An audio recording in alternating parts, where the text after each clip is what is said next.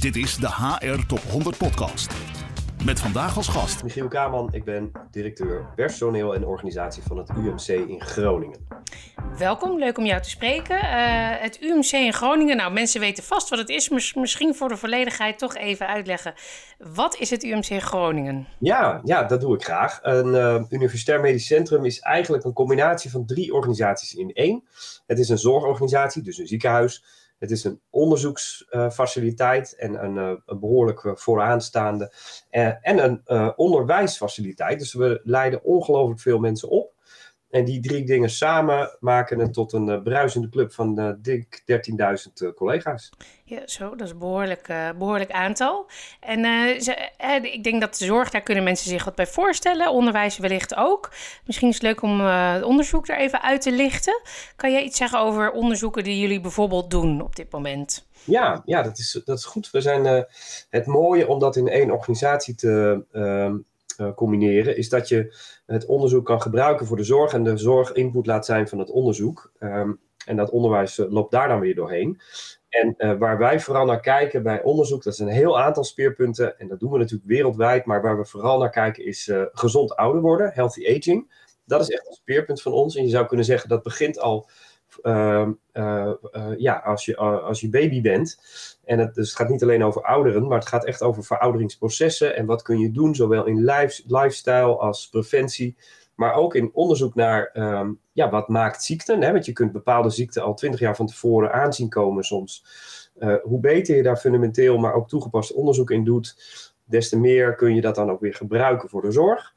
Ehm, en een hele mooie de onderzoekscohort wat wij hebben in het noorden is Lifelines. Dat is een uh, langlopend onderzoek waar uh, 130.000 mensen aan meedoen, 30 jaar lang onderzocht worden en waarin van al die mensen geregistreerd wordt van wat is je levensstijl, wat, hoe ziet je gezondheid eruit, wat uh, gebeurt er in jouw leven.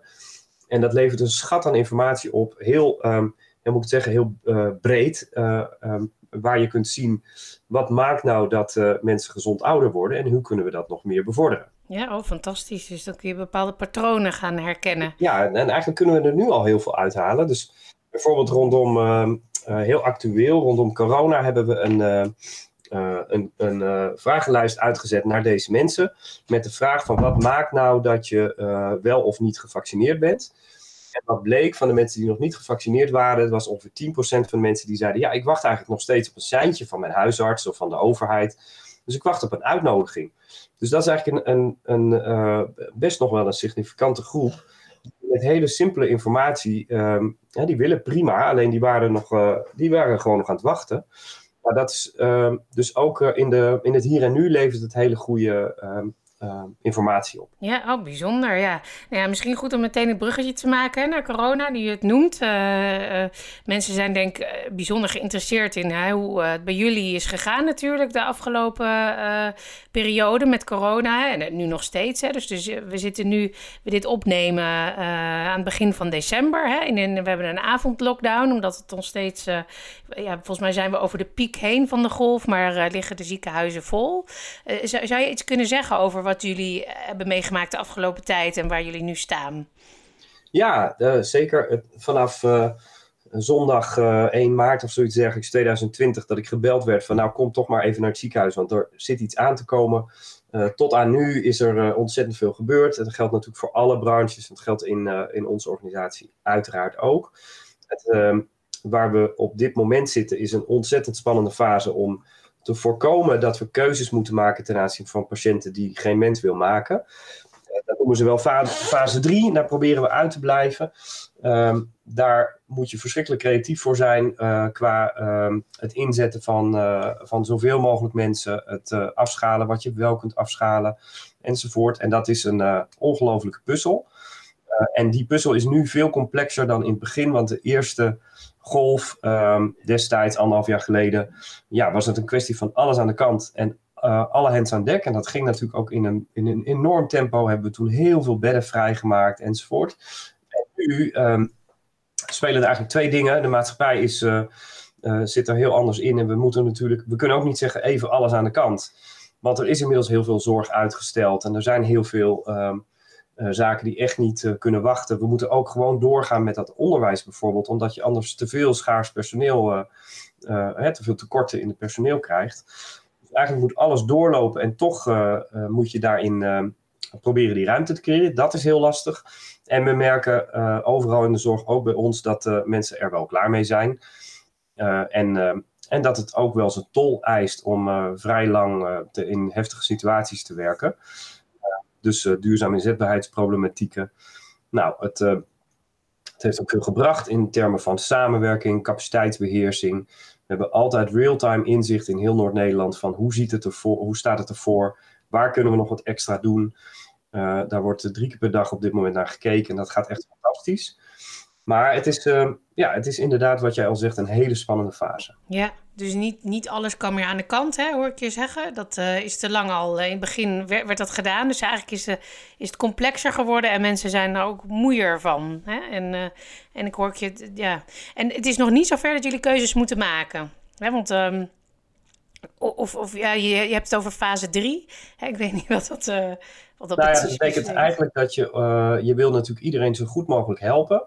Daar zit natuurlijk altijd wel een kleine bandbreedte in. Um, maar je, je wil geen concessies doen aan bijvoorbeeld uh, patiënten die eigenlijk naar de IC moeten, niet naar de IC laten gaan. Uh, maar als de, als de intensive care zo vol ligt uh, dat er niemand meer bij kan, ja, dan moet je dus keuzes gaan maken. En dat is wat je in de media code zwart noemt, hoort, of wat wij fase 3 noemen. En daar zitten we tegenaan. En, en op, als je daar tegenaan zit, dan kun je best nog heel veel doen. Want natuurlijk, al die zorgverleners zitten helemaal ehm, ja, het laatste wat ze willen doen is dat soort keuzes maken. Dus we zijn ongelooflijk creatief. Um, maar dat is even vanuit de HR-bril ook wel spannend, want dat is een elastiekje wat je oprecht. Um, maar goed, daar zit, daar zit heel veel rek in en we proberen uiteraard dat soort keuzes te voorkomen. En hoe, uh, hoe kun je als HR vinger aan de pols houden om te weten waar, waar die, hè, hoe, hoe het staat met die rek? Hè, maar, je kan natuurlijk surveys uitsturen, hè, maar ik weet niet of je, daar, of je daarop kan varen. Dus hoe, uh, hoe hou je dat in de gaten? Ja, een mooie vraag. We hebben uh, vanaf het begin uh, de personeelskant in de crisisorganisatie heel goed belegd. En eigenlijk ook steeds beter. Want in het begin ging het natuurlijk heel erg over wat on, overkomt ons nou. En steeds vaker gaat het over duurzame inzetbaarheid. Maar ook uh, een goede vertegenwoordiging van de beroepsgroepen uh, in zo'n crisisteam. Dus er zitten verpleegkundigen in, artsen. ook de wat meer ondersteunende disciplines zitten daarin. En zo hou je goed vinger aan de pols. Dus dat is één ding. Dus zorgen dat in je besluitvorming. Um, ja, dat je besluiten eigenlijk door een inclusieve groep gedaan worden. Die niet alleen maar kijken naar capaciteit of middelen of geld maar, of zoiets dergelijks. Maar vooral ook naar mensen, draagkracht enzovoort. Dat werkt goed. En ik merk ook dat we steeds die afwegingen maken. Dus bijvoorbeeld uh, wel in de zomervakantie een beetje reduceren zodat mensen op vakantie kunnen. Dat is een heel concreet voorbeeld.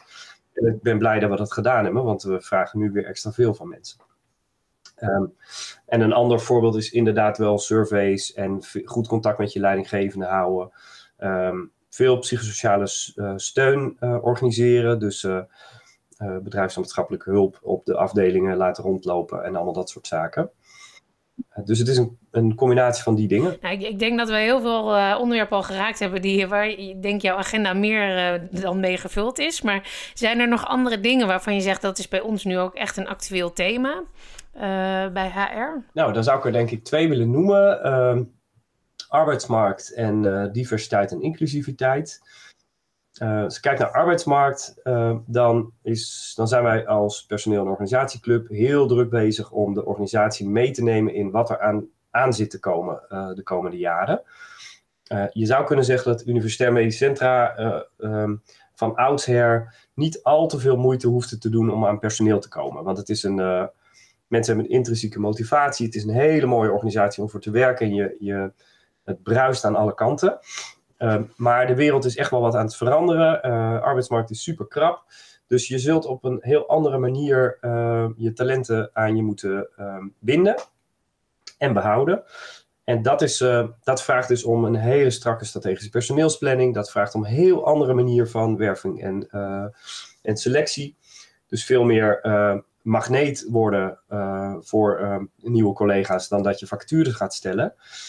Uh, en dat geldt over de volle breedte. Dus dat is niet alleen voor de intensive care verpleegkundigen of de operatieassistenten, maar ook voor ICT'ers en uh, facilitaire collega's enzovoort.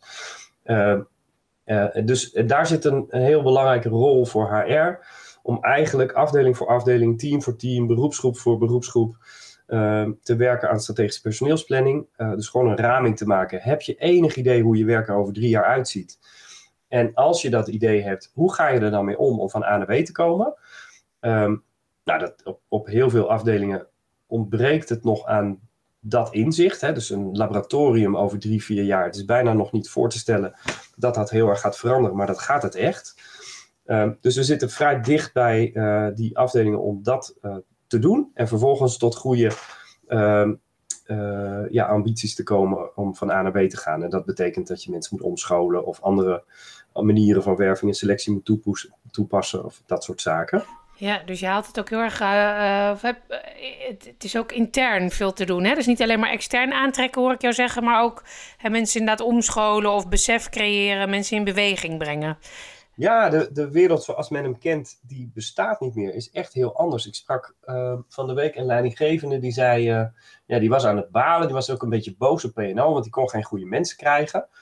Uh, en die zei, en ik ben eigenlijk alleen maar bezig met kopjes koffie te drinken met mensen in mijn omgeving. In de hoop dat ze onze kant op willen komen. Toen zei ik, dat is jouw baan. dit, is wat, dit is jouw werk. Als, als leidinggevende ben jij voorloper in die magneetwerking.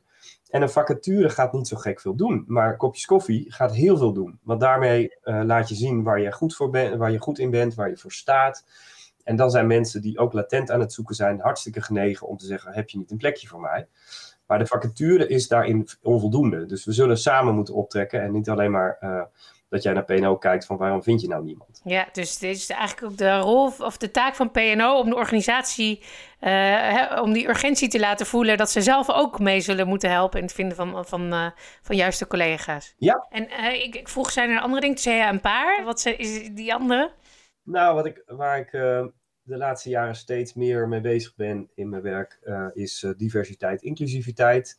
Um, vind ik een prachtig onderwerp. Wij noemen het inclusiviteit en niet inclusie, omdat inclusie in de onderzoekswereld altijd gaat over welke mensen includeer jij in je onderzoek. Dus dat, dat moet ik dan altijd uitleggen. Dus ik noem het maar inclusiviteit. ja, iedereen is gedeformeerd, die leest wat anders dan bij jullie. Ja.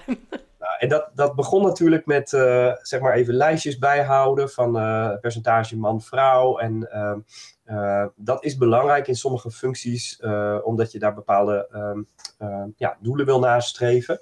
Maar het, gaat, het is eigenlijk nog een veel breder onderwerp, want het gaat over sociale veiligheid, de kunst om jezelf te zijn en te, te kunnen zijn en ook daarin geaccepteerd worden. En wat ik in het begin van het gesprek al zei, het gaat ook heel erg over inclusieve besluitvorming. en we merken steeds meer dat als je besluiten neemt met een inclusieve groep, dus waar eigenlijk alle stemmen vertegenwoordigd zijn, eh, dan wordt het besluit ook echt beter. Uh, en dat vind ik een vorm van inclusiviteit die uh, nog niet zo heel erg veel hoort. Um, en dan gaat ook een beetje dat idee van we moeten lijsten bijhouden en zo, dat gaat er een beetje van af. Het gaat er gewoon om hoe creëer je een omgeving waar iedereen kan zijn wie die is en ook kan mee denken en mee beslissen als dat nodig is. Dus als het over jouw uh, onderdeel of jouw vakgebied gaat. Uh, klinkt heel logisch, maar het betekent in de praktijk dat je soms met uh, 25, 30 man een besluit neemt. als je dat slim inricht, dan kun je dat prima doen. En dat vind ik een hele mooie kant van dat begrip inclusiviteit. Het is in de zorg ook super belangrijk, want het gaat niet alleen maar over de goede besluiten nemen, maar ook het creëren van een veilige cultuur. En dat is weer voor patiëntveiligheid heel belangrijk. Want zodra je het gevoel hebt uh, als een dokter iets niet goed doet en je staat er als verpleegkundige naast, dat je daar ook echt iets van mag zeggen. En dat je dan niet wordt weggezet of zoiets. Ja, dan maken we minder fouten met z'n allen. Dus uh, het is volgens mij uh, een onderwerp wat voor, ontzettend belangrijk is voor betere besluiten en voor een meer veilige omgeving. Dus, als ik jou goed beluister, dan zeg je het is uh, ook een uh, cultuur creëren waarin iedereen gehoord mag worden. Hè? Ongeacht functie of, uh, wa of wat dan ook voor je bent. Hè? Dus dat iedereen mee kan doen in de discussie en dat helpt. Nou, we hebben volgens mij veel besproken. Is er nog iets wat we hebben laten liggen of wat nog leuk is om te delen? Ja, van alles, jeetje. ja. Nee, ik, ja, van, uh, nou, ik kan uh, uren doorkletsen over dat mooie vak. Ja, leuk. Nou, dan maak ik graag met jou de afspraak dat we nog eens een keer terugkomen. Hè? En dat we ook een update doen dan in dat 30-jarige onderzoek, wat daar dan voorbij is gekomen. Dat is dan leuk. En dan pakken we de draad weer op. Heel erg bedankt voor het delen van je verhaal. Geen dank. Dit is de HR Top 100 Podcast.